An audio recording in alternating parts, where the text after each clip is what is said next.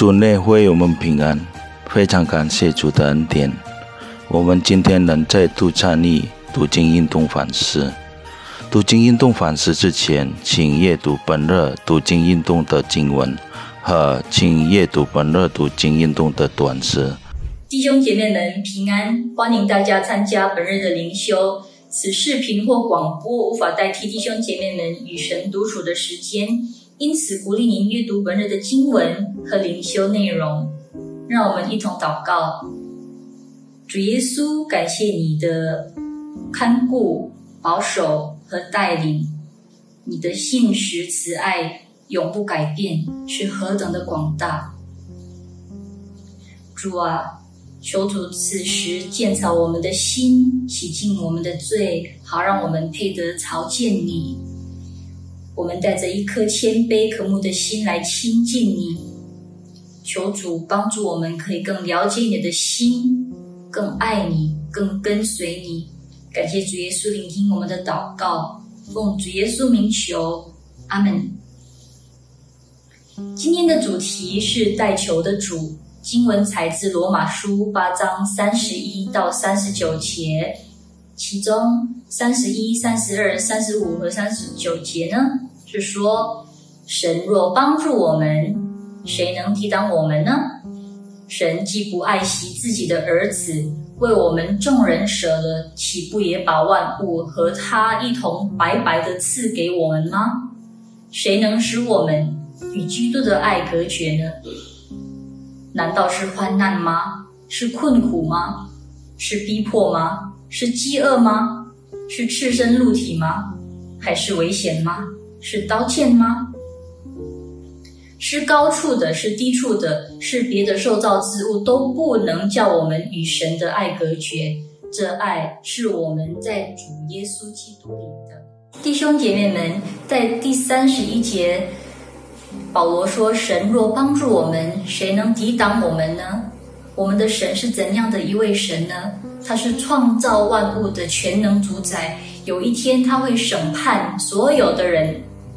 虽然如此。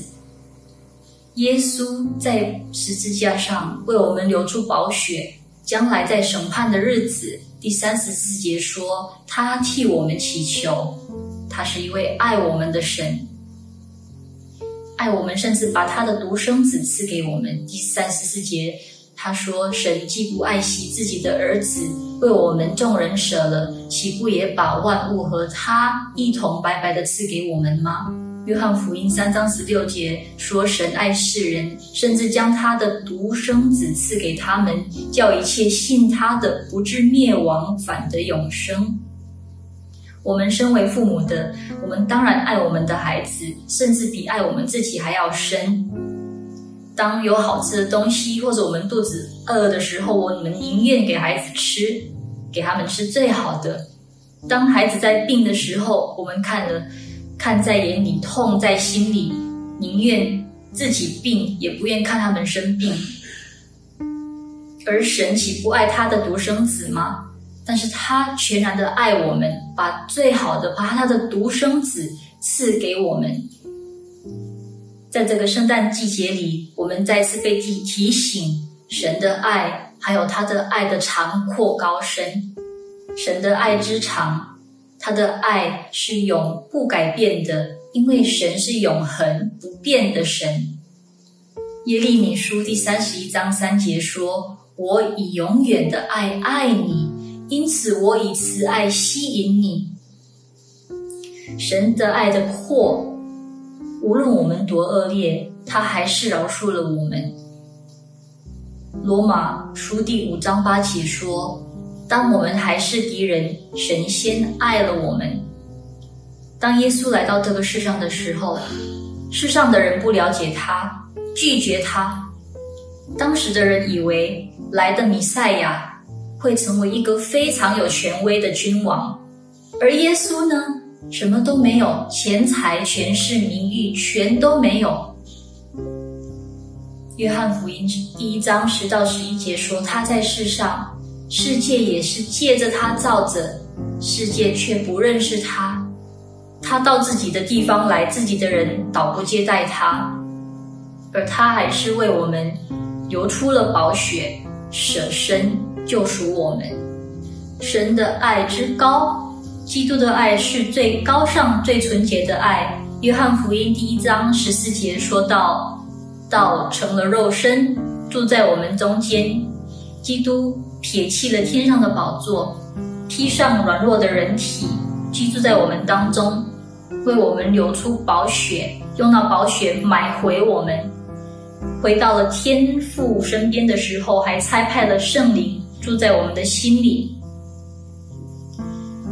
神爱之深，曾经有听过一位神仆分享说，其他的宗教里，人人都寻找真理，追求永生，追随追随的却是假神，得不到真理，也得不到永生。唯有基督耶稣是真理，道成了肉身，降在我们当中，居住在我们当中。基督还。追求了我们，就像一位恋爱中的男子，花了许多时间心思，为的就是追求他倾慕的对象。基督对他的子民也是如此。C.S. Lewis，维尼亚传奇的专家、思想家、神学家，曾经其实是一位无神论者，但是他最后成为了一位虔诚的基督徒。他说。不知道为什么，总有个感觉，除了寻求之外，我还在被追求。是的，神是追求我们、爱我们的神。不止 C.S. Lewis，大卫王也是有同样的感觉。他在诗篇一百三十九章七到八节说道：“我往哪里去逃避你的灵？我往哪里逃躲避你的面？我若升到天上，你在那里；我若在阴间下榻，你也在那里。”保罗在罗马书八章三十五、三十九节，他说：“谁能使我们与基督的爱隔绝呢？是高处的，是低处的，是别的受造似乎都不能叫我们与神的爱隔绝。这爱是在我们的主基督耶稣里的。苦难、罪恶纠缠、死亡都不能让我们与神的爱隔绝。神爱我们，寻找我们。”还用他的宝血赎回我们，弟兄姐妹们，是不是经历了神的爱的长阔高深？还记得神是怎么寻求我们、找回我们、让我们悔改？还记得那起初是爱吗？